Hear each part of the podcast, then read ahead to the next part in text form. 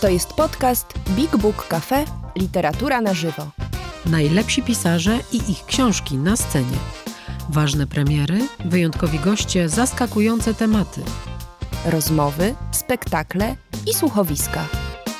Prosto z literackiego pępka świata. Posłuchaj i sprawdź, co mamy w repertuarze. Wejdź na bigbookcafe.pl lub odwiedź nas osobiście. Do zobaczenia i usłyszenia Dobry wieczór Państwu, witam bardzo serdecznie. Witam na specjalnym wieczorze poświęconym niezwykłej absolutnie książce. Książka nosi tytuł Mistrzowie opowieści Skandynawska Zima. E, dziękujemy wydawnictwu Wielka Litera i ambasadzie Norwegii za to, że możemy sobie tutaj siedzieć i mam nadzieję fajnie, spokojnie porozmawiać o zimie. Co prawda nie za oknem, ale no, za niektórymi oknami jest. Moją gościnią jest Justyna Czechowska. Brawo, naprawdę. Dobry wieczór. To jest y, poza zacnymi autorami tych opowiadań, ich jest 26 w tym zbiorze, y, no ona jest sprawczynią naszego spotkania, bo te wszystkie opowiadania wybrała.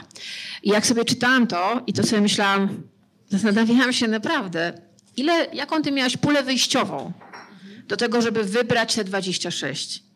Jakim kluczem ty szukałaś? E, no to nie jest pierwsza antologia, jaką ja zrobiłam, bo zrobiłam najpierw tą zrobiła. Skandynawskie Lato, no. potem zrobiłam taką antologię o kobiecie, y, gdzie są opowiadania z całego świata. E, ja jeszcze na dobry wieczór powiem Państwu, że specjalnie zapaliłam świeczkę. Po pierwsze dlatego, że dzisiaj jest święto świętej Lucji. Dzisiaj jest święta Lucja, czyli święto światła, a poza tym jest chyba któryś z kolei dzień Hanuki, więc pomyślałam sobie, że świeczka no, taki nastrój nam tutaj zrobi. E, do twojego pytania, e, no ja mam, wiesz, ja bardzo dużo czytam, domyślam się, i, i mam w głowie mm, bardzo dużo opowieści. E, akurat gatunek opowiadania jest o tyle wdzięczny, że, że jest krótki, więc można tych opowiadań dużo przeczytać. E, I, e, I trochę miałam prikaz ze strony wydawnictwa, bo umówiliśmy się, że opowiadań może być e, maksimum 30. Sama jakby tak skonstruowałam Skandynawię, że są, jest to pięć krajów, czyli Islandia, Dania, Szwecja, Norwegia i Finlandia ponieważ Norwegia zahacza też o Grenlandię, nie, przepraszam, Dania oczywiście jest też mm, jakby no, krajem, e, krajem, do którego powierzchni zalicza się Grenlandia, to myślałam, że, że Grenlandia też dobrze, żeby tam była i pojawia się tutaj jedno opowiadanie, które, e, które dzieje się na Grenlandii. No i, y, a, i zależało mi na tym oczywiście, żeby byli i kobiety i mężczyźni, zależało mi na tym, żeby to byli i starzy autorzy, i nowi, żyjący, i, i, i dawno nieżyjący, y, i tacy, którzy są bardzo dobrze u nas znani, y, jak Selma Lagerlof, czy, czy tutaj akurat się pojawia kto jeszcze, Terje Wesas, czy mm, kto tu jeszcze z takich bardzo znanych jest, Stig Dogerman na przykład, no i e, Roy Jakobsen, voilà, dziękuję bardzo. E, tak, zależało mi na tym, żeby to byli e, tacy autorzy rozpoznawani. No bo wiesz, jak ktoś przychodzi do księgarni i bierze do rąk taką, taką, taką książkę, to rzecz jasna zachwyca się okładką, bo jest, jest piękna i rzeczywiście utrzymana w stylu razem z tymi letnimi, więc to jest piękny duet. Tak, piękny duet. No więc e, oprócz tego po, otworzy i przeczyta spis treści. I tak. ten spis treści powinien jakoś zahaczyć o jego wiedzę, mhm. ale też otworzyć zupełnie nowe przestrzenie. E, no i oczywiście taką, e, takim e, hasłem wywoławczym jest zima. Ale właśnie, na ile to jest zima jako zjawisko meteorologiczne, mhm. a na ile to jest zima, która jest pretekstem do opowiedzenia historii o ludziach? No Bo ja mam wrażenie, że ta zima w tych opowiadaniach, co dla mnie gdzieś było zaskoczeniem, wiesz, bo ja słabo tę literaturę jakoś tak wybitnie, nie jestem w ogóle tobą, no, nie, nie, się nie przyrównuję, ale wiesz, dla zwykłego zjadacza chleba, on słyszy Skandynawia, to sobie myśli tak, okutany szalikiem Norweg w czapce, e, renifery, święty Mikołaj, wiesz, ale generalnie zimno, rzeczywiście to jest taka zima, zima. Ja biorę do ręki tę książkę, okej, okay, tam ta zima jest, ale mam takie wrażenie, że ona jest w trzecim, czwartym planie, bo albo jest choinka, albo jest futro, albo jest wisielec, albo jest zima, która jest jakby dość przewrotną drogą ku wolności poprzez załamający się lód.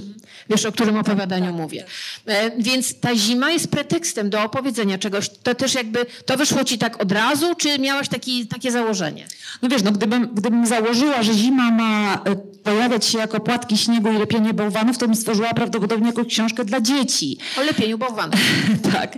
Natomiast tutaj zależało mi o opowiedzenie, o, na, e, o, mm, zależało mi na tym, żeby opowiedzieć jakieś historie, które prawdopodobnie nie mogłyby się wy, y, wydarzyć w krajach, gdzie y, po pierwsze nigdy nie jest aż tak zimno, a po drugie nigdy nie jest aż tak ciemno, bo moim zdaniem e, w skandynawskiej zimie dużo ważniejsza jest ciemność, ta, która trwa przez ponad pół roku, a w niektórych rejonach naprawdę bardzo długo. Taka, taka, zim, taka ciemność totalna, noc totalna, to, to ona moim zdaniem bardziej wywołuje te wszystkie historie, które tu są opowiedziane. I to nie są. E, i, i, I zależało mi też na tym, że wiesz, trochę wiem, jak Skandynawia w ostatnich latach funkcjonuje w Polsce. E, mamy hygge, wiemy, jak sobie radzą z, z zimą e, w Finlandii, bo wchodzą do sauny, a potem tarzają się w śniegu. W całej Skandynawii oczywiście i Ale rękawice to są takie ciepłe i tak kolorowe dalej. pocztówki, mam wrażenie. Tak. Takie No więc- makatki trochę. Tak? Dokładnie tak, dokładnie tak. I zależało mi na tym, żeby, żeby y, trochę złamać, y, złamać ten Stereotyp. ten, stereotyp ten obrazek taki śliczny, no bo, bo taka jest literatura. Tak? To, znaczy chciałam też pokazać, że literatura skandynawska jest wybitna i jest bardzo różnorodna, wiesz, bo jest ktoś, kto czyta tylko skandynawskie kryminały, kryminały tak? ktoś inny czyta tylko skandynawską literaturę dziecięcą, ktoś inny czytał tylko w dawnych czasach jakieś klasyki wydawane w serii w wydawnictwie poznańskim. Ulubiona seria mojej świętej pamięci mamy. Miała Tak, całą. tak, Stąd tak, ja znam tak. trochę literaturę skandynawską, bo ona kochała po prostu. Tak. E, No więc ta antologia trochę, trochę jakby na nowo chce, odświeżyć to, co wiedzieliśmy o Skandynawii kiedyś, albo niektórzy wiedzieli o Skandynawii kiedyś, ale też pokazać e, właśnie jak, jakąś nową twarz Skandynawii i, i bardzo różnorodną. No właśnie, na czym różnorodność twoim zdaniem w, t- w tej w opowieści, bo moim zdaniem te 26 opowiadań składają się na pewną opowieść. Na czym ta różnorodność polega? Na tym, że no w pierwszym opowiadaniu jest generalnie miło, bo pada bardzo dużo śniegu, a ludzie Ono wykopują... jest tak słodkie, Tak. ono jest tak urodne. e, ludzie wykopują, ponieważ mają pragnienie spotykania się, bo się muszą spotykać, bo jest ciemno i zimno, więc oni muszą coś ze sobą zrobić i spotkać drugiego człowieka, to wykupują tunele w tym śniegu. I to jest takie opowiadanie miłe o tym, jak można e, się otulić tą zimą. O ale jest bliskości w ogóle, o potrzebie tak, bliskości. ale są też takie opowiadania, które na przykład jak Selma Lagerlöf i, i tutaj opowiadanie Balon, które jest opowiadaniem, które pokazuje, że Selma Lagerlöf właśnie nie była tylko autorką cudownej podróży i nie była babcią od bajek dla dzieci, ani opowiadania legend, tylko była przede wszystkim bardzo ostrą, e, krytyczną obserwatorką społeczeństwa. Bo to jest opowiadanie de facto o, em, No o tym, co alkohol robi w rodzinie. o co alkohol robi w rodzinie, ale też jak wyglądało kiedyś prawo y, rodzinne, prawda, i rozwodowe przede wszystkim. Y, I Jest tym, do czego są zdolne zdesperowane dzieci. Ja pomyślałam, czytając to opowiadanie, o tym, jak wzrasta ilość samobójstw dzieci na całym świecie. I od razu pomyślałam o tym opowiadaniu, które stało się jakimś, nie, jest, jest niesłychanie aktualne, bo ono pokazuje jakby drogę, jest, jest wybitne moim zdaniem, bo my po prostu czujemy to, co czują ci chłopcy. I widzimy ich drogę do tego, co się dzieje na końcu. no, No jest też opowiadanie, e, co jeszcze mogę powiedzieć? No takie opowiadanie, które pokazuje po prostu życie w Skandynawii e, i jak bardzo e, właśnie zima uzależnia, to opowiadanie właśnie Roya Jakobsena uważam, że jest świetne, bo to jest opowiadanie o człowieku, który przewozi, który e, trudni się tym, że przewozi drewno z lasu i on właściwie może je przewozić tylko wtedy, kiedy zamarza jezioro czy fiord, prawda? Więc ta zima staje się też takim warunkiem w ogóle do życia i do pracy. Jest tutaj też, e, też opowiadanie na przykład norweskiej autorki e, Rishøi, Ingvild Rishøi, które w ogóle nie jest, wprawdzie odbywa się w grudniu, ale pokazuje też jakieś takie załamanie pogodowe, bo tam w ogóle nie ma śniegu, tylko pada deszcz, jest bardzo zimno, ale pada deszcz. I jest opowiadaniem o samotnej matce, która po prostu ma grosze, jakieś tam jej w portfelu zostały, żeby, żeby dojechać z córką do domu, a córka jeszcze się zsikała w majtki, więc jest jej zimno i trzeba jak najszybciej dojechać do tego domu. A tu jest jeszcze takie opowiadanie, bo to, jak to jest, wiesz, układać opowiadania o zimie, nawet skandynawskiej, kiedy no my wiemy, co nas czeka, co już się dzieje. I ostatnie opowiadanie w tym zbiorze, to ja może przeczytam fragment, bo on jest, znaczy to opowiadanie jest wstrząsające, ale y, ten fragment myślę też. Mam nadzieję, że mi to wyjdzie. Dobra. Rozkładam pudełeczka do zbierania różnego rodzaju śniegu. Są nazwane wszystkimi słowami określającymi śnieg, jakie znalazłam w książkach. Naukowe i fikcyjne mają tę samą wartość. Ze wszystkich puszeczek z napisami śnieg ziarnisty, szreń, świeży śnieg, śnieg pudrowy, firmszpigel, lepki śnieg, grat, roztopowy, śnieg utracony. Wybieram ostatnią z przyczyn poetyckich. To jest potężne opowiadanie, ono jest ostatnie, bo ono jest tak naprawdę, dzieje się w 2236 roku, kiedy Zimy już nie ma, nawet tam. I kiedy no, my dowiadujemy się, że część świata jest pod wodą, nie ma książek, to jest opowiadanie dość potworne, które ta klamra, bo tu ma, zaczynamy bardzo ładnym, słodkim opowiadaniem, natomiast ta końcówka, i to nie jest wielki spoiler, jest takim kopnięciem w podbrzusze.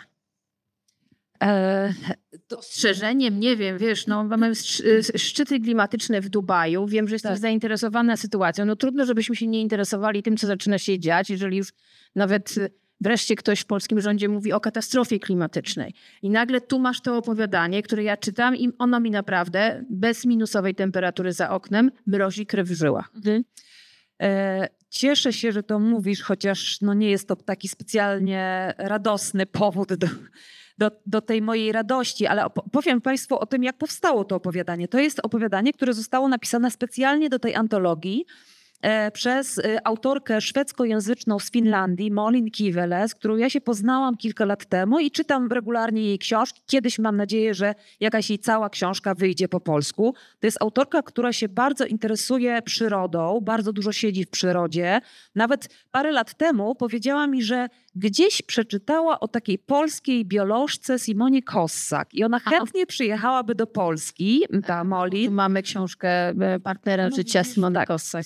E, I Molin przyjechała do Aha. Polski, ja ją wywiozłam do Białowieży, w Białowieży rozmawiała z ludźmi, I robiła zwariowała, jak to zobaczyła. E, wiesz, to był pierwszy raz, kiedy ja widziałam żubry, bo okazało się, że przyjechaliśmy do mojej przyjaciółki, której tata mówi: Słuchajcie, nie rozbierajcie się, bo tam na polu, jak pojedziecie tam, tam, tam, w prawo, w lewo, tam stoją żubry. I myśmy wsiedli z powrotem do samochodu żubry. Tak, i były żubry, więc to było naprawdę trochę tak jak zaplanowane.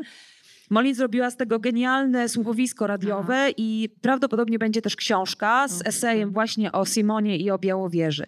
Ale y, i, i dlatego poprosiłam ją o, o opowiadanie, na, y, mówiąc tylko, że chciałabym opowiadanie takie, które, gdzie jest zima trochę w tle, trochę wywołuje y, historię, jest takim y, punktem zwrotnym być może. Zapalnikiem pewnych emocji, Tak. może wspomnień Ale tutaj. w ogóle, wiesz, to był Mhm. sierpień, kiedy ona to pisała i ja w ogóle nie myśl, to nie było takie, że jej zadałam, że słuchaj, no przydałoby mi się o y, katastrofie klimatycznej opowiadanie, tylko ona po prostu przysłała Mhm. mi to opowiadanie pod koniec sierpnia. Ja je przetłumaczyłam i, y, i wydało mi się ono y, takim idealną klamrą Mhm. właśnie. Tak, że tutaj niby mamy hygę, niby mamy te sauny, jest przyjemnie, ten śnieg nie zawsze jest zły, ale są no, różne tam są zakręty. Ten śnieg czemuś służy, ale przede Tak. wszystkim jest. Ale przede wszystkim jest. Jest ten dokładnie. mróz i jest ta Tak. zima, zima. Tak. Tak. I nagle mamy 2236 i nie ma zimy. Tak.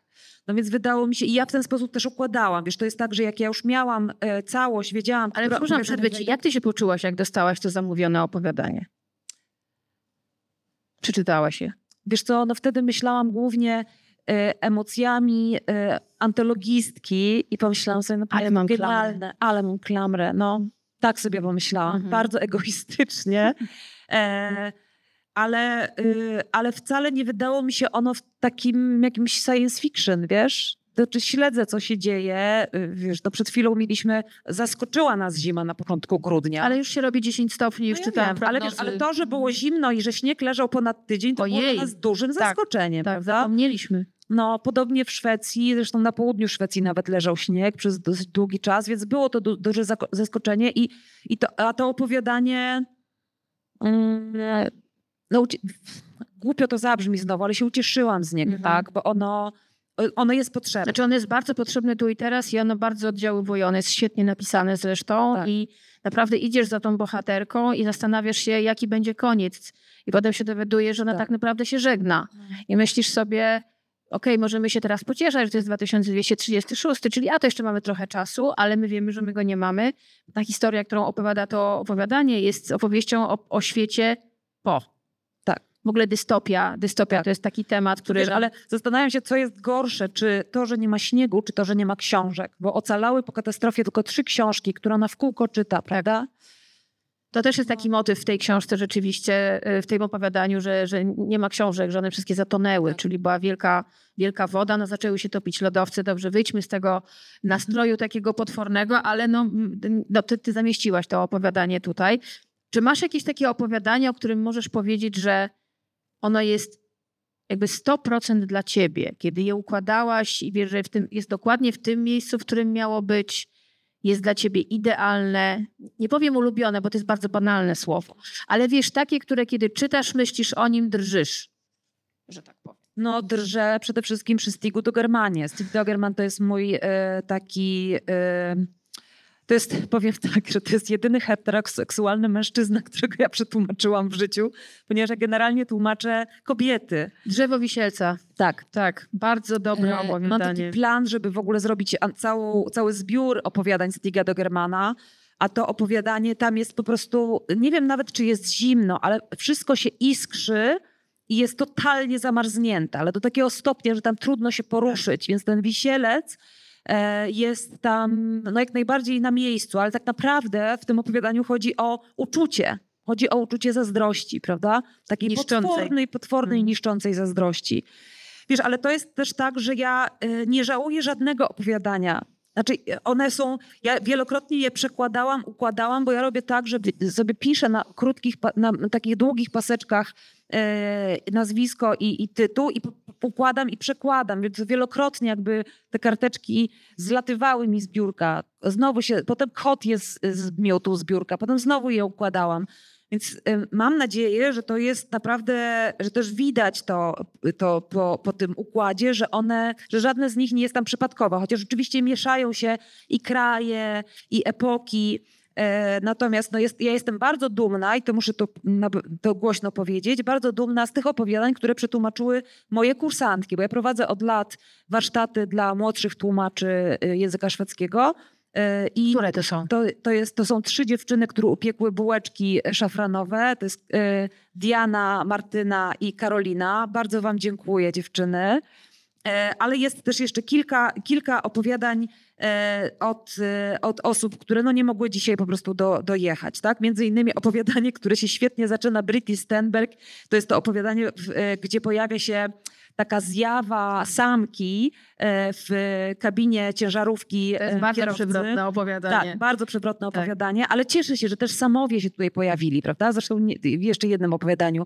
Więc, więc naprawdę mam wrażenie, że tam jest, się znalazła jakoś cała Skandynawia. Jakby książka y, zażaleń jeszcze nie została otwarta, ale mogę ją otworzyć, ale myśl, wydaje mi się, że jakoś tak udało się faktycznie opowiedzieć y, całą Skandynawię zimą. Ja bardzo lubię opowiadanie Futro.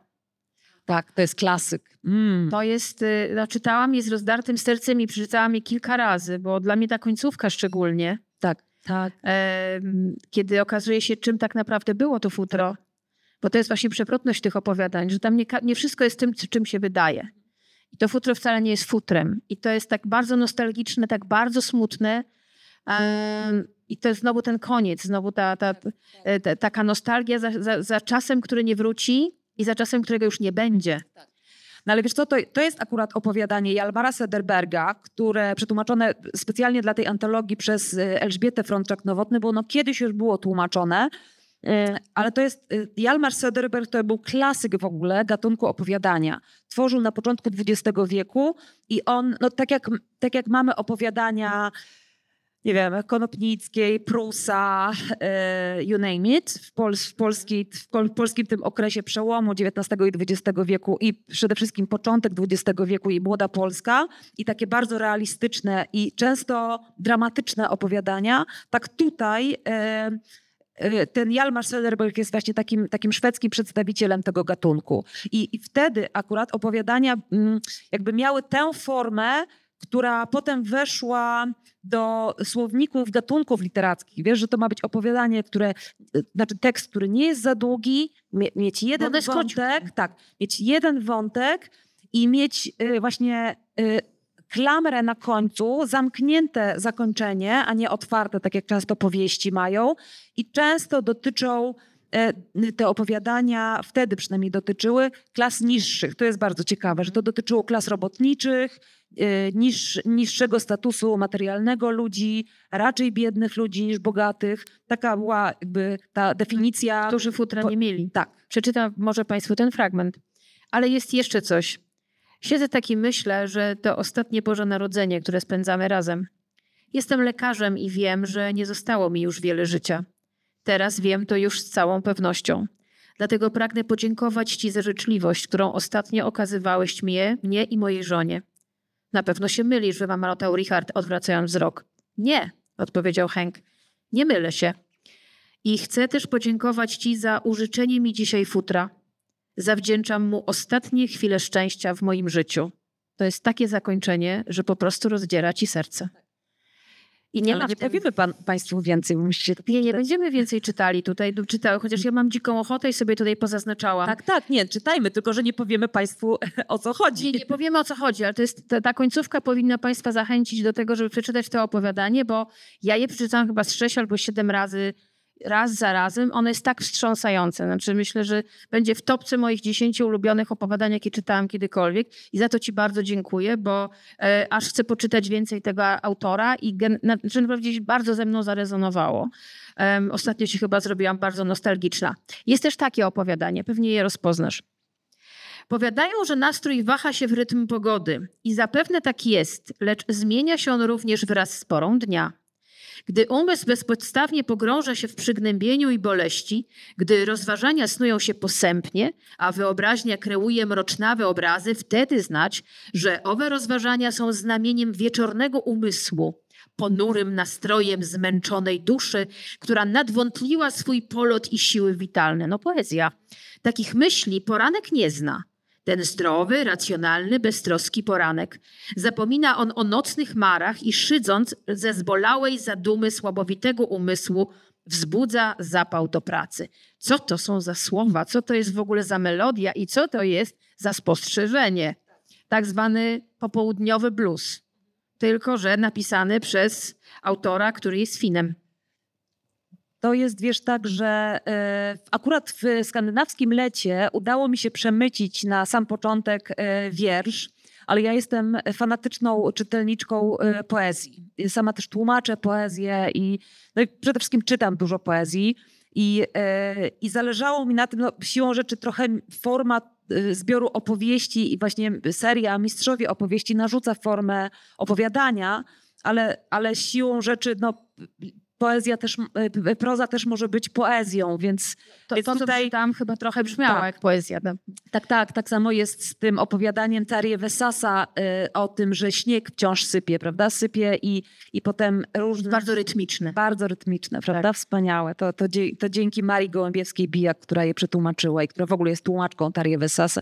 Więc, y, więc no, tak jak wiesz, tak jak cały czas mówimy, jest tutaj naprawdę ogromna różnorodność. Można tu naprawdę zapłakać, można się wkurzyć, można się porządnie wystraszyć, można się rozmarzyć, ale można też się zaśmiać. Y, Więc trochę, trochę w ten sposób myślałam o tej antologii. Wiesz, czasami są takie antologii, które y, które są takim best of aut- autora antologii, tak? Czyli antologista po prostu wybiera swoje ulubione i zamieszcza je w, w książce. A mi zależało na tym, żeby to, żeby to, to ulubione znalazł każdy, tak? Y, Więc, y, więc tutaj są niektóre opowiadania, których na przykład ja sama z siebie nie będę czytać namiętnie i one nie są jakby w moim guście, natomiast są na tyle dobre, że chciałam je pokazać właśnie w, w skandynawskiej zimie. Jesteś tłumaczką, pracujesz na słowie. Jakimi słowami najczęściej, najchętniej Skandynawowie opisują zimę?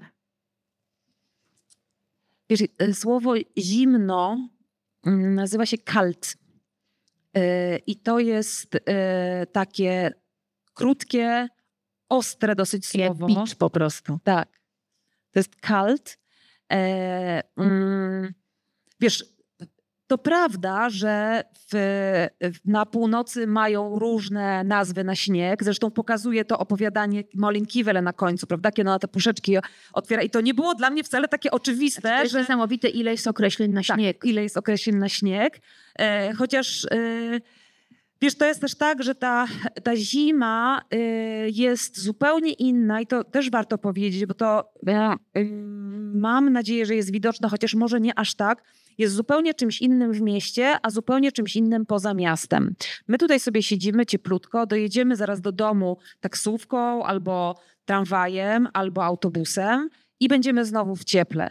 Natomiast e, i będziemy wśród ludzi, tak? Bo jutro znowu możemy sobie tutaj przyjść, tutaj będzie się coś działo innego i, i jakby tego kontaktu nie tracimy. Natomiast bardzo dużo tych opowiadań, szczególnie tych e, na przykład z północy Norwegii, z Islandii, e, też, e, ale też z północy Szwecji, to są opowiadania, które rozgrywają się w takich rejonach, gdzie naprawdę się jedzie na przykład do sklepu 100 kilometrów, tak? Nie mówiąc o sklepie alkoholowym, bo tam się jeszcze dalej jedzie.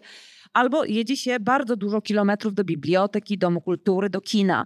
Więc ludzie albo do sąsiada, tak? Znaczy w Skandynawii bardzo mało jest takich skupisk wioskowych, tak jak u nas, że jest wioska, wioska, wioska, wioska i czasami się jedzie przez jedną, zaraz jest druga i kolejna. E, Tylko jednak są te gospodarstwa rozsiane, one są duże, więc jakby jest dużo pól dookoła i kolejny y, sąsiad może mieszkać kilometry od od ciebie. Więc, e, więc tutaj jest też, to też chodzi o samotność i o tę drogę długą, którą się przemierza. Ale też o walkę z przyrodą, tak. walkę No z pogodą, Oczywiście. z zimnem, z wiatrem, y, z, z potwornym mrozem. Tak. Albo tym mrozem, który może już ustępować, prawda? Który powoli się roztapia. To, to też jest tematem wielu, e, wielu tych A opowiadań. jak ta pogoda na nich wpływa? Jacy oni są pod jej wpływem? Wiesz, jest to jedno opowiadanie, które, które jest z kolei z Wysp Alanskich. E, naprawdę tutaj, słuchajcie, znajdziecie Państwo bardzo Skandynawia. całą Skandynawię. Teraz właśnie sobie o nim przypomniałam. To jest Karin Erlandsson, która pisze opowiadanie Ranghilda, rozgrywające się, e, zdaje się, w X wieku naszej ery, kiedy do... Dwunastym. XII, pardon. Pani tłumaczko, dwunastym. No widzisz, ja nie pamiętam, bo nie Już odkryłam. mam 211 tak. stron. W XII wieku, kiedy na Wyspy Alandzkie przychodzi e, chrześcijaństwo i buduje się e, kościoły. Ale to nie, o, nie o tym chciałam powiedzieć, chociaż o tym jest tak naprawdę to opowiadanie. E, tam ono się zaczyna w momencie, kiedy tata budzi córkę i mówi, co mówi? Zamarzło, Zamarzło. szepnął, już pora. A mama nie zauważy, że nas nie ma. Tak. No więc zamarzło. To jest to hasło, które, które być może niektórzy z Państwa pamiętają z dzieciństwa, kiedy rodzice budzili i mówili: pada śnieg, pada śnieg, nie? I to było takie wielkie święto. I dla tego taty i córki wielkim świętem jest, kiedy zamarza i kie- kiedy oni idą na brzeg i nagle można pójść dalej, tak? Czy, e, tata, się, tata się nie boi, oczywiście wychodzi i zaraz za nim idzie córka i, właśnie, i on mówi, wiesz, nie ma różnicy, tylko tak, że my możemy po tym chodzić, ale popatrz, i kładą się na brzuchach i mówią, tam pływają ryby, tam dalej jest życie. Jedno Też mówią, może zawsze wraca, bo może wróci. tak, bo może wróci. No więc tak to Mamy tę wpływa, naturę, no, że- która dyryguje ich życiem, reżyseruje im wszystko Tak. i oni żyją w rytm natury. Tak. Więc to, że zamarza sprawia na przykład, że niektóre odległości maleją. Tak, że można, to bardzo, akurat tutaj u Selmy Lagerlöf nie widać, ale jak się czyta w ogóle Selmy Lagerlöf, gdzie w ogóle bardzo dużo, jeżeli się dzieje, rozgrywa akcja w Wermlandii, to tam bardzo często zimą się to rozgrywa, dlatego że zimą się więcej dzieje e, paradoksalnie interakcji między ludźmi, nie? Bo oni muszą się spotykać, urządzać te bale, przyjęcia, jeżdżą do siebie i jeżdżą właśnie krótszą drogą, bo przez zamarznięte jezioro. Więc pogoda wpływa niesamowicie, tak? Niesamowicie. Można zupełnie inaczej się poruszać. Można szybciej, e, paradoksalnie, można szybciej gdzieś dotrzeć, bo na biegówkach na przykład, nie? E, Ale też to, że, e, że, że no zimą jest też ciemniej, więc jakby to ryzyko, że ktoś nie wróci na noc jest większe. Się zgubi na przykład. Że się zgubi, A dokładnie. jeszcze chciałam Państwu przypomnieć, ci, którzy śledzą nas online, że zbieramy pytania, jeżeli macie do Justyny i będziemy będzie możliwość ich zadania, także e, piszcie. One nie zginą gdzieś tam w czeluściach internetu. E, bardzo chętnie odpo- Justyna zapewne na nie odpowie. E, tak jak już wzięłaś sobie do ręki te, te, ten zbiór opowie- opowieści, już jak to po tym, co powiedziałaś o tym lekkim walorze edukacyjnym i tym wszystkim, to gdybyś miała wskazać największe wyzwanie, które miałaś za sobą, kiedy już trzymałaś wybór w ręku, jakbyś tak miała je podsumować, co było dla ciebie największym wyzwaniem, żeby to poukładać, żeby to jakoś miało rytm? Co? No wiesz, wszystko, dlatego że to nie jest tylko tak, że ja wzięłam wszystkie opowiadania z głowy, tylko y, często y, y, taką, y, taką pomocą są dla mnie tłumacze. No wiesz, ja po fińsku nie czytam, po islandzku też nie czytam. Czytam y, w miarę dobrze po duńsku i po norwesku, bo to są języki jednak zbliżone do, do szwedzkiego, więc tam faktycznie umiem poszukiwać. E, I wiem, kogo bym chciała, ale wyzwaniem takim dużym było to, że na przykład prosiłam kogoś e, tłumaczącego z fińskiego o zaproponowanie opowiadania, ale nie wiedziałam o czym, on, znaczy o czym ono jest, to wiedziałam, ale nie wiedziałam jakie ono jest, więc jakby ten, ten przeskok był dla mnie trudny. E, ale nie wiem, no dla mnie to była przede wszystkim duża frajda, wiesz, nie wiem, czy to było, czy, czy coś było dużym wyzwaniem. Po prostu była to duża frajda już po raz kolejny raz, y, bo wydawnictwo dało mi, y, wiesz, ogromną wolność. E, Właściwie za każdym razem, jak ja się bałam, że coś źle zrobiłam, to redaktorka pisała mi, że nie, jest świetnie, świetnie, dziękujemy. Więc, e, więc tutaj e, nie wiem, czy aż tak było. Wiesz, no wyzwaniem było tłumaczenie Stiga do Germana, bo, bo jest to bardzo trudny autor. Na czym polega wyz- wyzwanie dla tłumacza? Wiesz, żeby znaleźć takie słowo, które odda po polsku to i wzbudzi w czytelniku Te same to, uczucia? co wzbudziło we mnie. E, To jest największe wyzwanie. Tak? Więc nawet nie to, żeby opowiedzieć przestrzeń, która no siłą rzeczy jest inna, ale, ale to się da zrobić. Ale to, żeby w tym właśnie naj, najbardziej trudnym momencie, y, czy to jest na przykład czyjeś zawołanie albo obraz jakiś, który jest bardzo wyraźny, tak jak zdjęcie, żeby to oddać tak samo. No, a ja nie mogę zrobić temu zdjęcia, tylko muszę to przełożyć. A jak się tłumaczy na język polski literaturę skandynawską? Jesteśmy sobie gdzieś bliscy emocjonalnie z twojego punktu widzenia, no jednak pracujesz słowem, czyli to jest ten, to jest ten, to jest ten core. E, więc na, na ile my jesteśmy sobie bliscy, a na ile nie? Jednak się oddalamy. E, wiesz, są takie słowa, których nie da się oddać. Ja to, tego doświadczyłam przede wszystkim, jak tłumaczyłam Lorda Nevermore na Player. To jest książka wybitna. To jest jakby taki, taka książka, no, w moim pojęciu najważniejsza książka XX wieku, czy potem początku XXI, bo ona chyba w 2001 wyszła.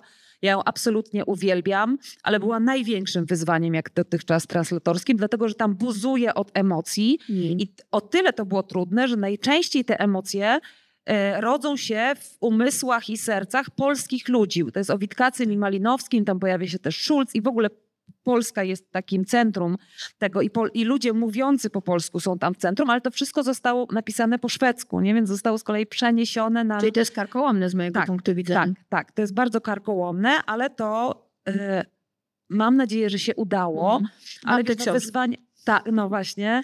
E, c- e, wiesz, no, wszyscy ludzie są jakoś tam do siebie podobni, tak? E, A my tutaj, no my też jesteśmy dosyć takim północnym narodem, więc trudno powiedzieć, że być może trudniej się tłumaczy. To- jest pytanie bardziej może do moich włoskich koleżanek, do moich norweskich koleżanek, ale wiesz, e, ja teraz tłumaczę taką książkę, która jest poematem, reportażem napisanym wierszem.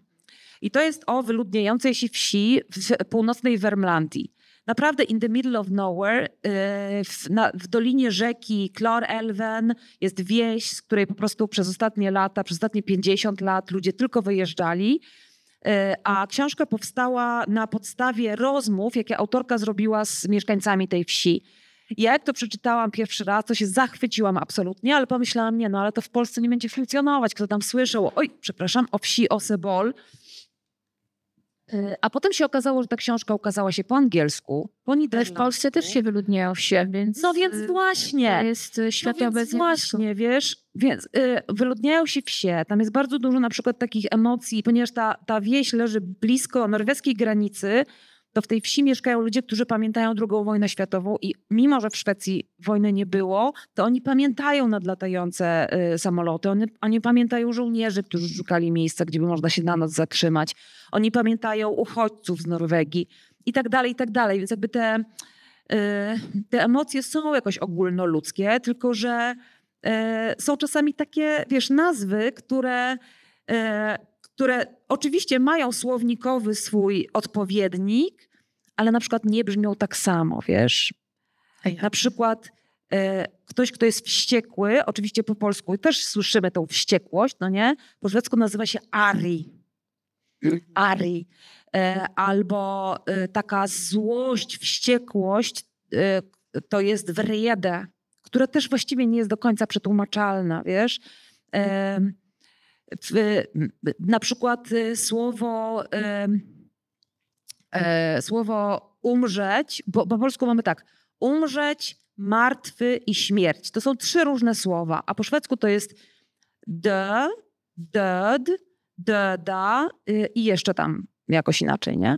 Więc wszystko pochodzi od tego samego słowa, które jest takie, wiesz, dö, to jest, no co to jest? To, to jest takie d, e, nie? Jakby ono nie ma w sobie żadnej mocy. Trochę jak angielskie dead. Więc wiesz, y, jakby w, prozie jeszcze ujdzie, ale jeżeli to jest poetycka proza, to już trudniej, bo tam musi być naprawdę rytm i to musi płynąć, a w poezji to już w ogóle, prawda?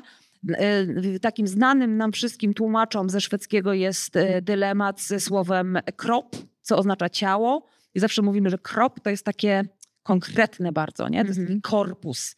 Natomiast po polsku ciało jest takie, no taki mięczak trochę.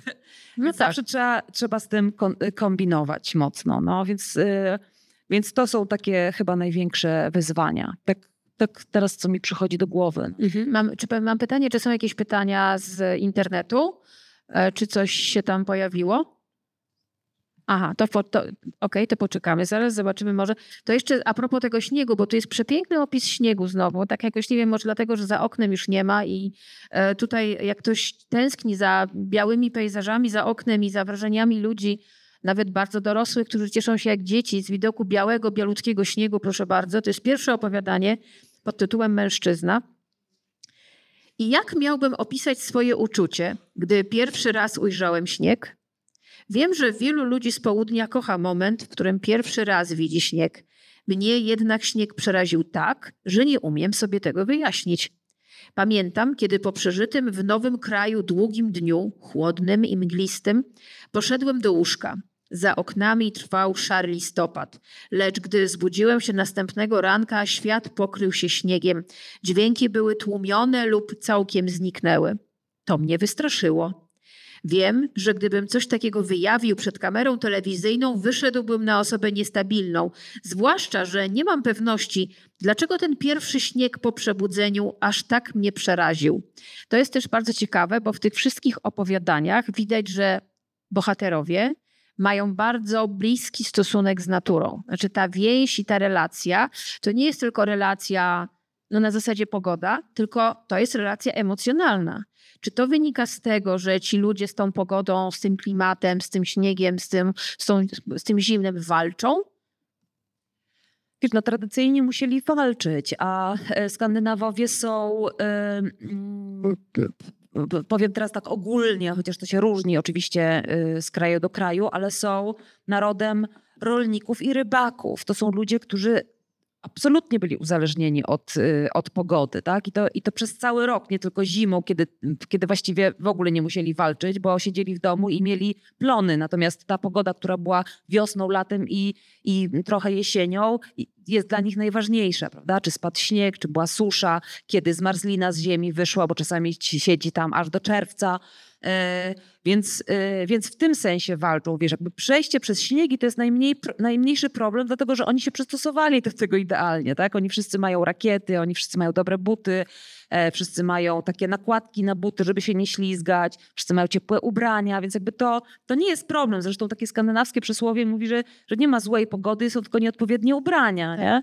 Więc, więc ta walka to jest, e, to powiedziałabym, że nie jest aż taka walka, jak, o jaką my sobie wyobrażamy, tylko, tylko to takie, no powiedziałabym, totalne uzależnienie, tak? I tego oczywiście współcześnie nie widać w miastach, natomiast powtarzam, te opowiadania i są, często y, rozgrywają się poza miastem, y, i, y, a po drugie, wciąż bardzo dużo ludzi mieszka faktycznie poza miastem. Tak? To nie jest tak, że, że wszyscy się sprowadzają. Teraz znowu jest od paru lat taka, taka fala, że młodzi ludzie wyprowadzają się z miast. No to są też kwestie ekonomiczne, tak jak w całej Europie, że Tak. ludzie opuszczają miasta, bo nie stać ich na funkcjonowanie i płacenie rachunków w mieście, a kupno wynajem mieszkania na przykład. Tak, ale też ekologiczne, prawda? Bo, bo jest, y, jest ta, ta technologia opierająca się na, na o- ekologicznym myśleniu jest tak bardzo rozwinięta, że, że to się da zrobić. Mhm.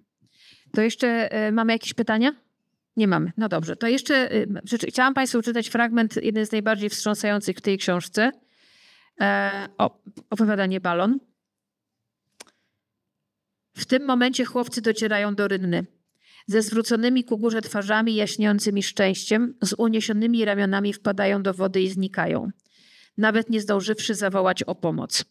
Chwilę później łyżwiarze, którzy próbowali ich doścignąć, docierają do krawędzi.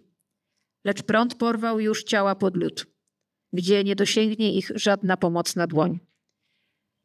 I to jest opowiadanie, które znajduje się w zbiorze Mistrzowie opowieści Skandynawska Zima. To jest takie też opowiadanie, chciałabym, żebyś, żebyśmy się trochę na nim skupiły, bo ono też opowiada o takiej zimie emocjonalnej. On to też mi się skojarzyło z tym, że to jest w ogóle opowieść o tym, że ten chłód jest między ludźmi. Tak, to jest opowiadanie. I że my siebie wzajemnie gdzieś zamrażamy w ogóle. To jest opowiadanie Selmy Lagerlöf, tak jak wspomniałam, takie, które, które jakby mniej skupia się na samej przyrodzie, a bardziej na tych stosunkach międzyludzkich i, i w ogóle na problemach społecznych, które wcale się nie zaczyna e, zimą, tylko zaczyna się w jakiś tam październikowy poranek, Jesienią. jesienią, się jesienią kiedy, kiedy ojciec zabiera od matki dwóch e, synów.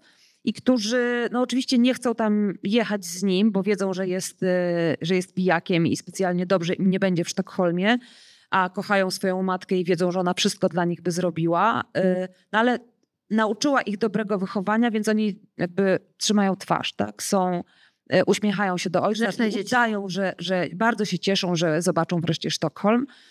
Natomiast w Sztokholmie y, ich to dobre wychowanie y, w pewnym momencie okazuje się nieprzydatne, bo wpadają w złe towarzystwo, y, spotykają inne dzieci, innych chłopców z tej dzielnicy, gdzie ojciec wynajmuje im mieszkanie w suterenie i gdzie, no, gdzie, gdzie wiadomo, że to jest robotnicza dzielnica, niespecjalnie, niespecjalnie bogata, gdzie dzieci nie zawsze chodzą do szkoły.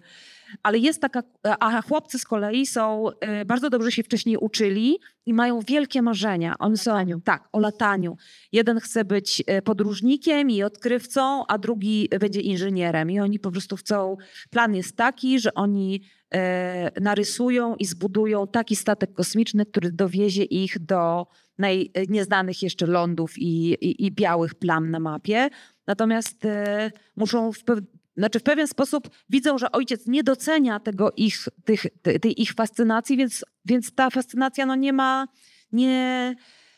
y, Czy się alkoholizuje, No nie chce, tak. żeby chodziły do chodzili do tak, szkoły. właśnie. On nie chce, żeby chodzili do szkoły, więc ta, ta ich fascynacja trochę tak więdnie, tak? Nie, nie jest podsycana jakąś radością, ani poklepywaniem po ramieniu, tak jak, tak jak to mieli u matki. I opowiadanie właśnie kończy się, teraz opowiemy całe opowiadanie. Ale warto je przeczytać, bo jest przepiękne. E, w taki przepiękny, słoneczny, śnieżny poranek, kiedy dzieci wręcz... Idylliczne, jak z pocztówek. po prostu. Tak. Kiedy dzieci, e, ci z Państwa, którzy byliście w Sztokholmie, to sobie wyobraźcie, że oni mieszkają na Söder i wszyscy zbiegają nad zatokę, na, e, na tą część Söder, która jest morzem, a nie jeziorem Mälaren, o tak powiem, czyli, czyli od Slusen na wschód.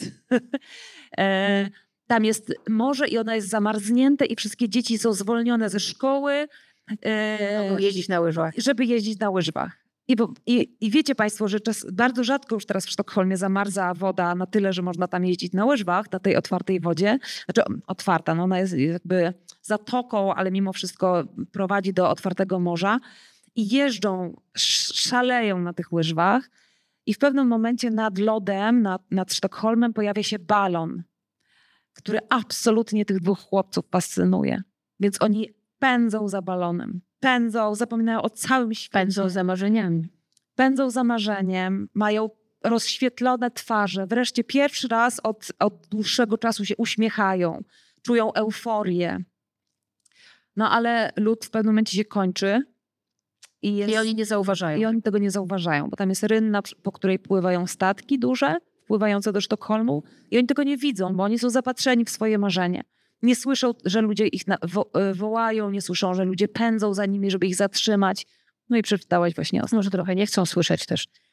Bo rzeczywistość, w jakiej funkcjonują. Tak, ale to jest wstrząsające opowiadanie. To jest wstrząsające opowiadanie. Czy macie jakieś pytania do Justyny?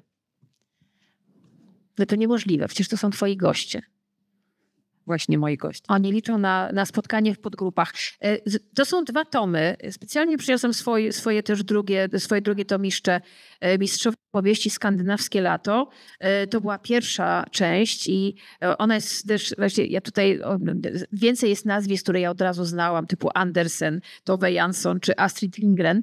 E, Czy planujesz jakieś kolejne części? Nie wiem, czy już związane z, pola, z polami roku, bo tutaj bardzo ciekawie piszesz też we wstępie skandynawskiej zimy, że tak naprawdę to są dwie ważne pory roku dla Skandynawów. To jest zima i lato, bo pośrodku pomiędzy tym nie ma wiele.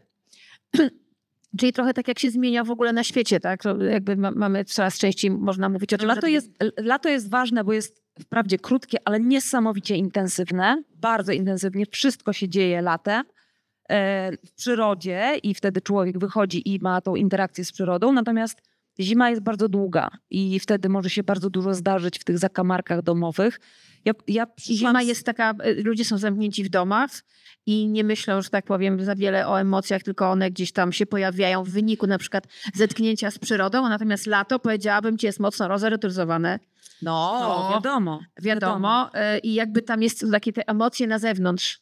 No tak, ale wiesz, zima z kolei jest bardzo, sprzyja e, samotności w negatywnym również sensie i sprzyja piciu niestety. Więc te, e, tak jak wspomniałam, wprawdzie daleko jest do alkoholowego, ale tam ludzie na północy bardzo dużo bimbru pędzą i, e, i, faktycznie to jest e, taki bardzo duży problem na północy. Nawet rozmawiałam niedawno z Sebastianem Musielakiem, moim e, kolegą, który e, tłumaczy z fińskiego i podpytywałam go, jakie rozrywki tam są właściwie w Finlandii, co, co takiego zimą jest fajnego, bo w Szwecji to na biegówkach, e, a co, a co robicie w Finlandii? A on mówi, no wiesz, no głównie ludzie piją, nie? No jak się ogląda na przykład fińskie kryminały, a tego trochę jest, bo ja lubię oglądać te wszystkie skandynawskie, to idą do klubu i piją, do spodu. No. E, Albo, albo nie do klubu, bo do klubu mają na przykład daleko. Albo w no nie? domu siedzą. No, a ja tak staram się po- powiedzieć, no dobra, no ale mają saunę, wiesz, tak próbuję, no ale faktycznie jest tak, że to jest bardzo duży problem. Na Grenlandii również bardzo duży ten problem jest alkoholowy. E, ale, e, ale co chciałam powiedzieć, że wiesz, że ja przyszłam, bo, ponieważ lato jest tak krótkie i intensywne i według mnie nigdzie na świecie nie ma takiego lata jak w Skandynawii. Światło, jakie tam jest, kolory, jakie wtedy się objawiają, ta, to, to życie, które tam... Wiesz, po takiej zimie to musi wybuchnąć po prostu. Tak, tak, ale wiesz to, że wychodzisz o 11 wieczorem z imprezy albo o 12 wieczorem z imprezy i nie jest jeszcze ciemno, wiesz, jest, no, Genialne. jest to no, specyficzna bajka, której trochę się nie da opowiedzieć, ale chciałam chociaż trochę opowiedzieć, więc stworzyłam tę antologię i przyszłam z tą propozycją Mhm. do wydawnictwa i potem wydawnictwo mi powiedziało, słuchaj, ludzie się pytają, kiedy zrobisz skandynawską zimę, więc jakby mamy. ta skandynawska zima jest odpowiedzią na zapotrzebowanie od czytelników i czytelniczek, co mnie bardzo ucieszyło, bo, e, bo pozwoliło mi też odkryć oczywiście taką literaturę, której na przykład nie czytałam albo nie, nie znałam wcześniej. A co będzie dalej w takim razie? Będzie jakiś, nie wiem, trzeci tom, bo tak się, wiesz, no, chciałoby się rozpędzić tą półkę, tak za, za... Ludzie koła, głowami kiwają, widzisz, twoja Tak. publiczność, no. E, no więc ja pomiędzy zrobiłam opowi- e, zbiór opowiadań Tak. o kobiecie, gdzie są opowiadania z całego świata, ale rzecz jasna ze Skandynawii również, bo ja to zawsze muszę e, w, tam wtrącić No nie byłabym swoje. tobą. nie byłabym sobą. Natomiast bardzo zależało mi, powiem, że nie byłabym sobą, gdybym na sobie się nie skupiła i na swoich zainteresowaniach. Natomiast y, zależało mi bardzo, żeby tam pokazać cały świat, więc to, to nie jest absolutnie ani skandynawskie, ani europejskie, tylko faktycznie są tam opowiadania i z Chin, i z Korei, i z Argentyny. Bardzo ciekawy zestaw. Tak, taki zestaw naprawdę z całego świata. A teraz ja nie wiem, czy ja mogę powiedzieć. Monika, ja mogę powiedzieć? Możesz. tak? E, Nikt no nie słucha, spokojnie.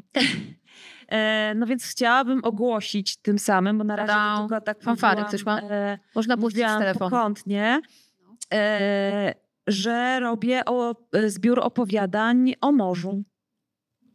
O, I to nie będą tylko skandynawskie, ani nie będzie to tylko o Bałtyku, ale będzie to znowu ogólnoświatowa e, antologia z całego świata, więc tutaj jakby różne morza wynajduję.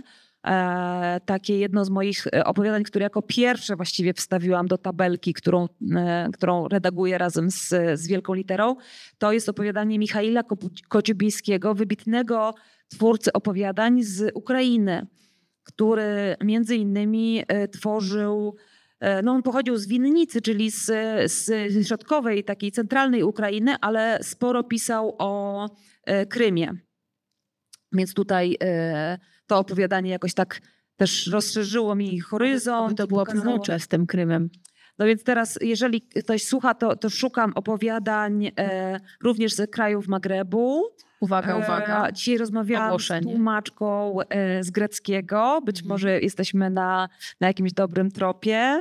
E, Czekam na propozycję. Mam już jedną propozycję, z, wprawdzie z Maroka mam już jedną propozycję. No tak, ale, ale będzie to bardzo ciekawe, myślę. Bardzo ciekawe, odkrywcze, pokazujące stosunek do morza, człowieka do morza w najróżniejszy sposób. Bo tam znowu chciałabym zarówno... I wiecie, ten stosunek się zmieniał przecież, prawda? Bo kiedyś, kiedyś pisano głównie, no, jak sobie pomyślimy o Józefie Konradzie, no to i o jego e, bliskich... e, No to była wojna człowieka z naturą, wojna było- człowieka tak, z wodą, tak, ze ale wszystkim, tak, co w tej wodzie dokładnie. jest, z pogodą, ze A sztormem. potem, a potem jak Z chorobą się na. Tuwę Jansson, która kochała w ogóle morze, no to to jest miłość. To jest po prostu taka niemoc życia bez wody, bez żywej wody. Też na przykład Hemingway pokazał, że to jest też walka o życie, ale też jedzenie.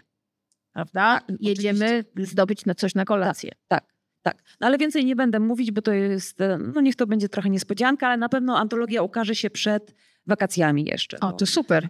Mamy tak. pytanie, zdaje się. Mamy pytania online. Pozdrawiamy panią Monikę, która pyta o ulubioną porę roku. Skandynawska zima czy skandynawskie lato? E, no lato. Lato. sorry, rozmawiamy w grudniu. Tak, tak. No. Em, ale to jest, e, no to jest podstępne pytanie, bo ja generalnie zimę też lubię. Się urodziłam w listopadzie i tak wiesz, e, i córkę urodziłam w listopadzie i znam się na kocychach, herbatach i fotelach Czyli i siedzeniu tak, hygge. Tak, e, i na szafranowych bułkach i w ogóle ta, no, ale z drugiej strony tęsknię do tego światła, takiego wszędobylskiego. Ale myślę, że Polacy też, y, chociaż nie mają takiej zimy y, jak Skandynawowie, to jest coś takiego, że jak się to słońce wiosenne pojawia, to jest euforia w ludziach. Przynajmniej w niektórych, ja ją mam na pewno, że nagle ten dzień przede wszystkim jest dłuższy, bo u nas też jest ciemno.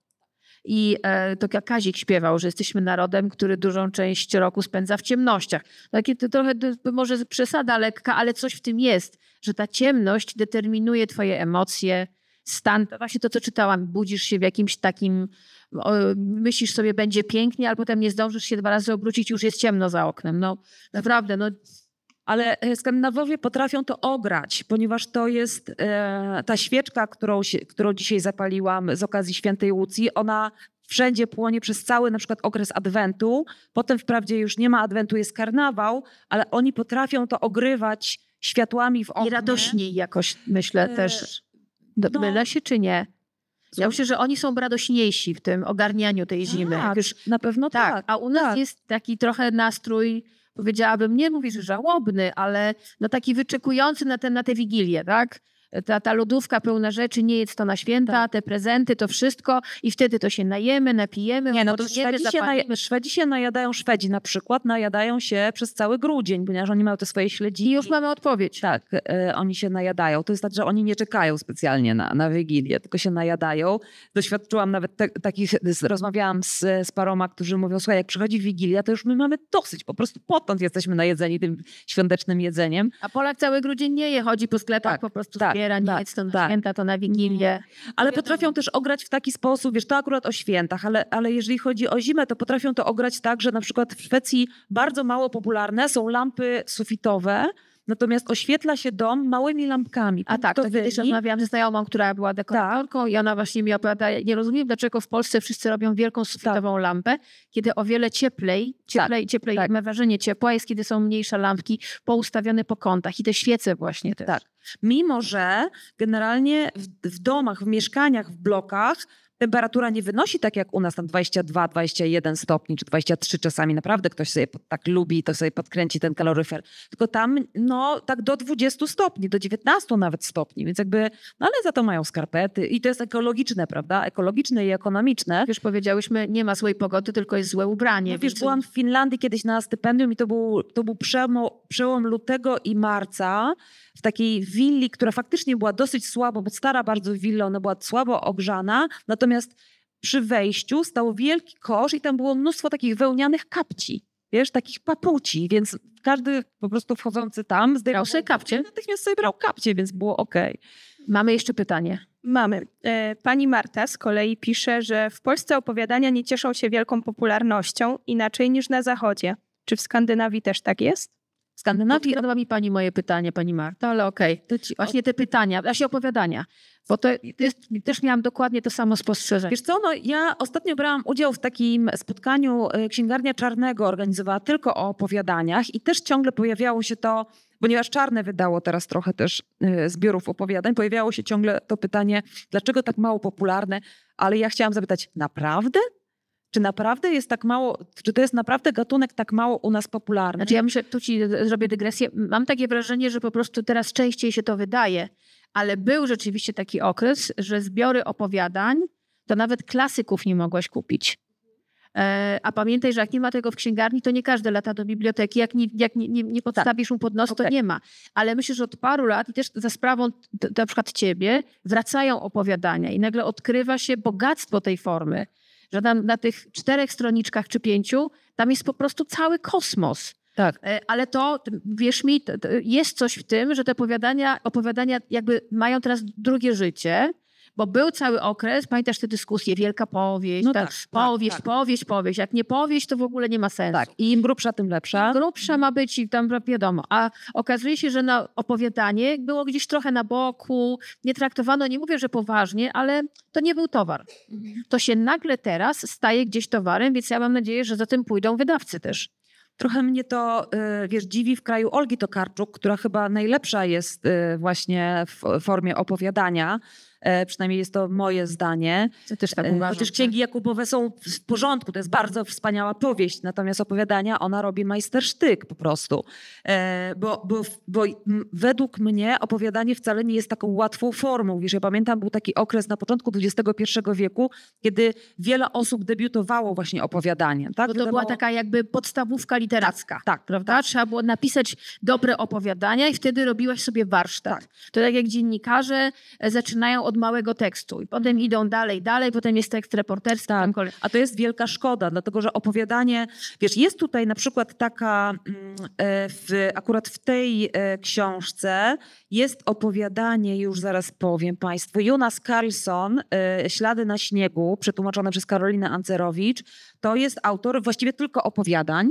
On pisze tylko opowiadania i nagradzane i uwielbiane.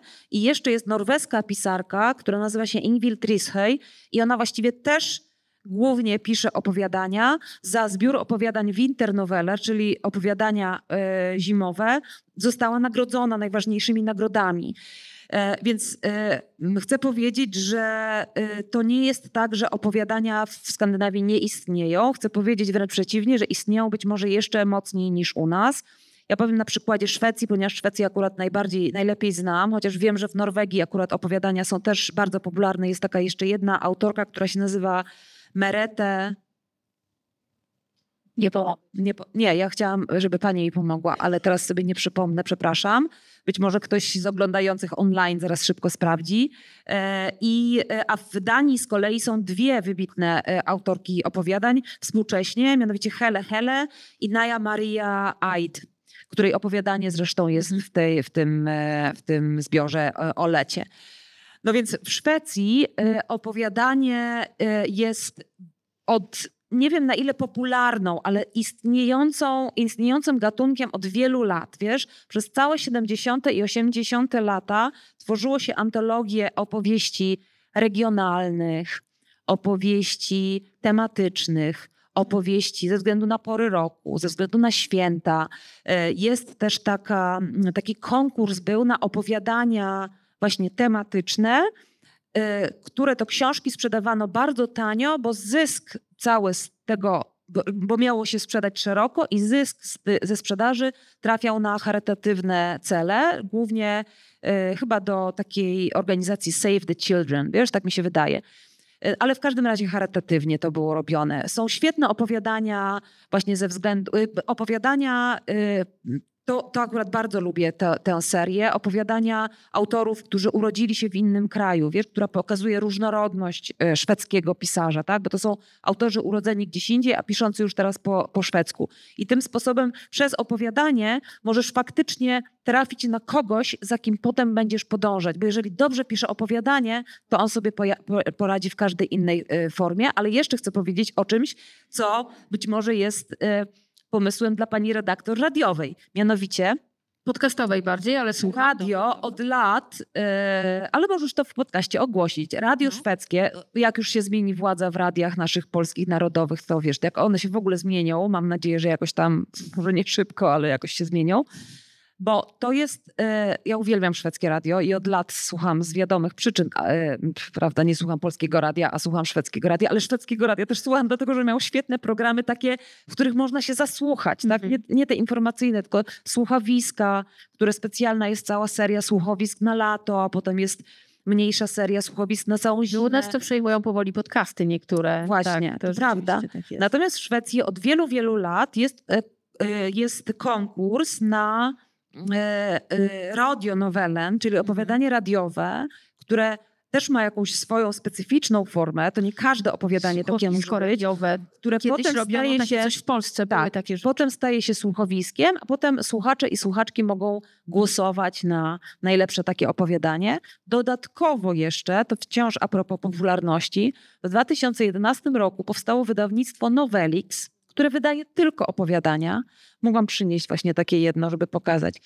W przepięknej, kieszonkowej, maleńk- maleńkim formacie, prześlicznym. Bo wiesz co ja sobie jest myślę? jeszcze- Że na te czasy, gdzie my lubimy krótkie formy, lubimy, lubimy wszystko szybko i nie mamy na nic czasu, to opowiadanie, które nie jest, wiesz, jak czytasz powieść, to nagle musisz przerwać, bo i, Tak. szukasz, wiadomo, gubisz wątek. Opowiadanie jest na, nie wiem, przejazd z punktu A do punktu B. Tak. E, i, I wiesz już wszystko, tak? Mhm. e, na te czasy, które są takie zwariowane i właśnie pocha- poszatkowane, opowiadanie ze swoją krótką formą jest fo- rzeczą idealną. Tak. Absolutnie. Więc jak ty mi mówisz o fajnych, kieszonkowych, pięknie wydanych opo- zbiorach opowiadań, to ja się dziwię, dlaczego tego jeszcze nie ma u nas. Wiesz, to nawet nie jest tak, że to jest zbiór opowiadań, to jest jedno opowiadanie. O, Więc To jedno. jest po prostu malusieńkie, bardzo tanie, rzecz jasna. I po jakimś czasie one było początkowo zamawiane u, u najwybitniejszych szwedzkich pisarzy, ale potem robiono już albo przedruki, albo y, zaczęto otwierać się na inne kraje, więc drukowano również, nie wiem, całe, całe i, i potem to układają w takich... e, w takich małych pudełeczkach tematycznych i na przykład w takim pudełeczku możesz znaleźć, to jest cudowne na prezent, w takim pudełeczku możesz znaleźć cztery opowiadania o kotach. Albo cztery. Są jakiś o psach? E, na pewno. O. Znajdę. Specjalnie dla ciebie znajdę o psach. Dobrze. E, Ale to jest pomysł na kolejny tom opowiadań o zwierzętach. Ależ. Moja droga. Ja mam już, słuchaj, listę takich na kilka lat. E, Jack Tematy. Russell Terrier, jakiś Dobrze. terrier, bardzo proszę. Dobrze. Ale jakiś albo jamnik może być. Ale wiesz, o, o zwierzętach. Tak. Wiesz, żeby być w trendach, że tak powiem, kiedy my już otwarcie mówimy o tym, że zwierzęta czują, nie zdychają, a umierają, kiedy my mówimy o tym, że one są członkami naszej rodziny i że nie traktujemy ich przedmiotowo, tylko są podmiotem w naszym życiu, są ważne tak samo jak nasz, nasza rodzina ludzka, to jest nasza zwierzęca rodzina, to myślę, że fajnie byłoby, żeby tak jak edukujesz ludzi w kwestii skandynawskiej literatury, która opowiada o tym, o człowieku versus pogoda, versus pory roku, versus albo upał, albo śnieg, no to moja droga, zwierzęta. To jest temat, który wymaga Wiesz, myślę, że mamy dużo do zrobienia w tej sprawie i byłoby bardzo fajnie, żeby, no to mamy pomysł, tam chyba coś, mamy jakieś y, pytanie? Nie? Tam myślałam, że ktoś... O, jest pytanie, proszę bardzo, tutaj w pierwszym rzędzie, zaraz dojdzie mikrofon, a nie, w drugim. To ja. E, Przepraszam za mój głos, jestem po chorobie, ale może uda mi się zadać pytanie.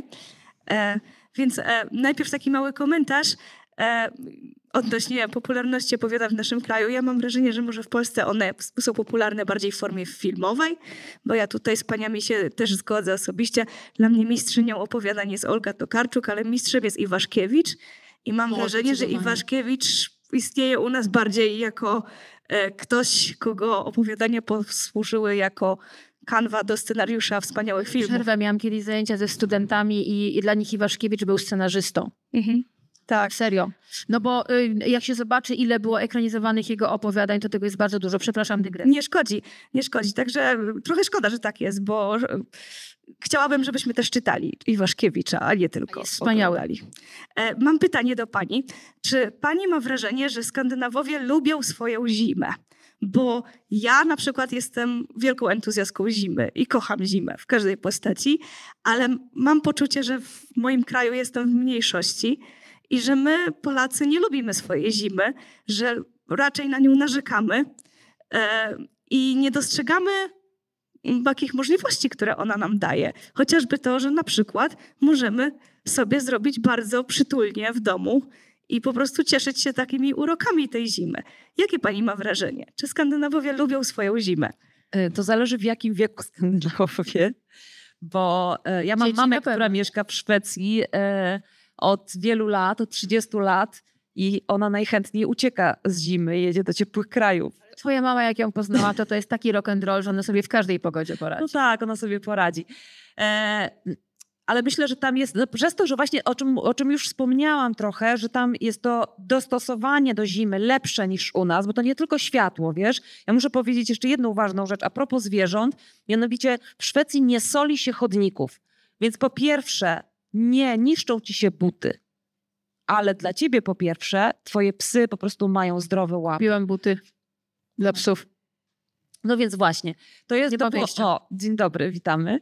E, więc dla mnie to jest taka duża, to było największe dla mnie zaskoczenie z, chyba pierwszo, w pierwszą A w takim razie co oni sypią? Piasek? Żwirek. Aha, żwirek. Żwirek, który jest taki, że naprawdę się po tym nie ślizgasz. Potem oczywiście zostaje, potem jak śnieg stopnieje, to zostaje mnóstwo tego żwirku. I ten żwirek jest uciążliwy tylko wtedy, jak ciąż, ciągniesz ciężką walizkę, bo potem się strasznie trudno ciągnie walizkę. Natomiast poza tym on jest naprawdę bardzo skuteczny, tak? To, że w Szwecji, e, czy w ogóle w Skandynawii, e, wszędzie jeździ się na rowerze, bo rower jest podstawą życia, no to nie tak jak u nas, że chociaż teraz już akurat w Warszawie się poprawiło, że jest najpierw odśnieżona ulica, a potem długo, długo nic, a potem się odśnieża oczywiście chodniki.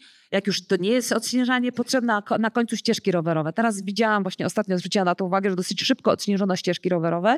Natomiast w Skandynawii zupełnie odwrotnie. Najpierw się odśnieża ścieżki rowerowe, a dopiero później wszystko inne. Nie?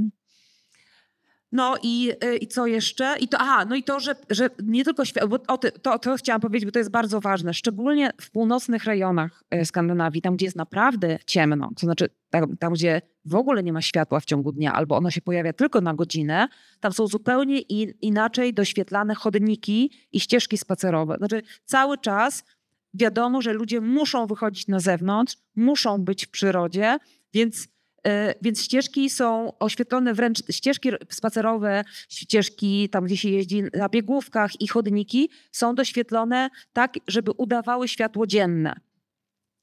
Więc, e, więc tak, to jest, to jest taki bardzo ważny aspekt właśnie tego, e, nawet nie ocieplania wizerunku zimy, tylko po prostu te, taką, e, taką metodą na przetrwanie tej zimy, tak? Ale nie wiem, czy, czy można powiedzieć, że Skandynawowie bardziej lubią zimę i, i lato. To jest pewnie bardzo zależy od Skandynawa. No. Się po prostu To, jest, wiesz, to, też, to też jest pytanie, jaką zimę, bo faktycznie było tak, że przez ostatnie lata e, nawet na wysokości e, Oslo, na tym pasie, gdzie leży, mniej więcej na tej samej wysokości leży Oslo, Sztokholm i, i Helsinki, tam nie było śniegu bardzo długo, tak? Tam, tam pojawił się śnieg na moment tylko i w ogóle zimno było tylko przez jakiś czas. Więc wiesz, zimno i ciemność, e, taka jak dzisiaj i jeszcze do tego deszcz, no to, to nikt nie lubi. No. No, no nikt nie lubi, ale jak u nich rezonuje katastrofa klimatyczna? Jak oni do tego podchodzą? Wiesz, podchodzą przede wszystkim tak, że oni naprawdę, wiesz, czasami aż serce mi się kraje, jak wiem, jak dużo oni wkładają e, energii w to, y, wiadomo, segregowanie śmieci, ale też na przykład myślenie o jedzeniu, o tym, Mhm. o jedzeniu mięsa, nie jedzeniu mięsa, o, y, o wydawaniu pieniędzy na to albo na to, o kombinowaniu, jak powinien dom być zbudowany. Bo ja mam wrażenie, że oni są bardzo do przodu, oni są w awangardzie Tak, świata. ale wiesz, ale dlatego serce mi się kraje, że oni są tak bardzo do przodu i, a ja mam takie poczucie, że no oni nie mają wyrzutów sumienia, ale i tak, wiesz, nie, no nie uratują tego, tak? Wiesz, bo, bo i tak my zawinimy, bo my jesteśmy właśnie tym, tym najgorszym przestępcą, który jest po drugiej stronie tego Bałtyku, no. Tego Są jeszcze jakieś pytania do Justyny? Czy coś jest online? Nie ma? To co? Ja czekam w takim razie na książkę o zwierzętach. Dobrze? A jeszcze O, proszę w tej chwili kończę czytać tę książkę. Mikrofon pani to wziąć. mikrofon weźmy. Player, y, którą pani przetłumaczyła. Bardzo dziękuję, bo y, jak pani ją przeczytała po szwedzku najpierw, to się pani wtedy zachwyciła i stało się wyzwaniem wtedy, że przetłumaczy ją na polski, żeby Polacy mogli również o swoim Bronisławie Malinowskim i o Stanisławie Witkiewicz, Witkacym znać ich historię przyjaźni. Tak to było? No nie, to było tro, jeszcze trochę inaczej, bo ta książka ma już ponad 20 lat i ona została już raz przetłumaczona na, e, na polski 20 lat temu przez Iwonę Jędrzejewską. A ja, ja przeczytałam tę książkę wtedy, ponad 20 lat temu po szwedzku i to była, no to stała się taka książka moja ukochana, absolutnie. I ja wtedy jeszcze nie, e, nie tłumaczyłam w ogóle, jakby nie myślałam, może trochę myślałam o tym, że będę tłumaczyć, ale to jeszcze wtedy nie zaczęłam tłuma- tłumaczyć, ale to była moja ukochana książka. Wracałam do niej wielokrotnie. No i się okazało, że przetłumaczyła ją Iwona Jędrzejewska. Książka zaistniała po polsku, ale potem zniknęła z półek. Potem, potem po prostu już była bardzo trudno dostępna, a ponieważ ja przetłumaczyłam dwie inne książki Agnety Player dla wydawnictwa Charakter, to znaczy książkę Wróżba i Zapach Mężczyzny, które są jej autobiograficznymi po powieściami, ale z, tak, no, z opartymi na, na, na faktycznym jej życiu, to, to wydawnictwo y, chciało, żebym to zrobiła jeszcze raz i, i to była dla mnie oczywiście wielka radość, wielkie wyzwanie, trochę takie zawstydzenie przed tą wybitną autorką, bo uważam, że Agneta Play jest najwybitniejszą żyjącą autorką w Szwecji. Y, No ale mam nadzieję, że się udało, bo y, A, roz, Bo- a widziała pani film Niebezpieczni Dżentelmeni? Czy widziała pani film Niebezpieczni Dżentelmeni? Gdzie jest i o Witkacym, i o Malinowskim? No I to o bardzo boju. I o boju. I o takim hipotetycznym spotkaniu, do którego doszło w Zakopanym. I to jest taka historia, że wow. Więc proszę obejrzeć. ale to trzeba do mikrofonu chyba powiedzieć, bo nie będzie słychać. Właściwie nie, y, że myśmy byli troszkę poza y, orbitą, w związku, że mieszkaliśmy y, długo w Szwecji, więc musimy troszkę nabrać y, y, sobie tak, y, troszkę dystansu i czasu, żeby y, wejść y, z powrotem w te wszystkie sieci kulturalne, socjalne. No ja bardzo polecam Niebezpiecznych Dżentelmenów, bo tam jest o pani ukochanych bohaterach. Natomiast jest to cudowne. A w ogóle Wszystkim chciałam pokazać tę książkę, którą dzięki pani mamie, ma, mamy. Aha. To jest tak cudna książka o Warszawie. Nie, to pani ma tylko jedno o pierwszy, prawda? Stoję O, tak. To jest e, warszawski przewodnik literacki, który zrobiłam bardzo dawno temu z moimi przyjaciółmi i też pomysł ukradłam ze Sztokholmu, bo tam był taki podobny, podobny przewodnik. To jest przewodnik, który prowadzi po Warszawie miejscami właśnie nawet nie, mm, nie tymi, które, y, gdzie mieszkali pisarze i poeci albo pisarki i poetki, tylko tymi opisanymi w, w literaturze. Tak? Więc ja na przykład nie, nie mówię dokładnie tam, gdzie Brzechwa mieszkał, ale opowiadam o ulicy Kopernika, gdzie mieszkała panna Kika z Płysza Hrajki. Mamy pytanie z internetu. Czy w literaturze krajów nordyckich wprost porusza się trudności w kontaktach międzyludzkich i w jaki sposób, jeśli tak? Czy autorzy, mieszkańcy uznają to w ogóle za problem społeczny, bo być może jest to po prostu problem, który wi- widzimy my?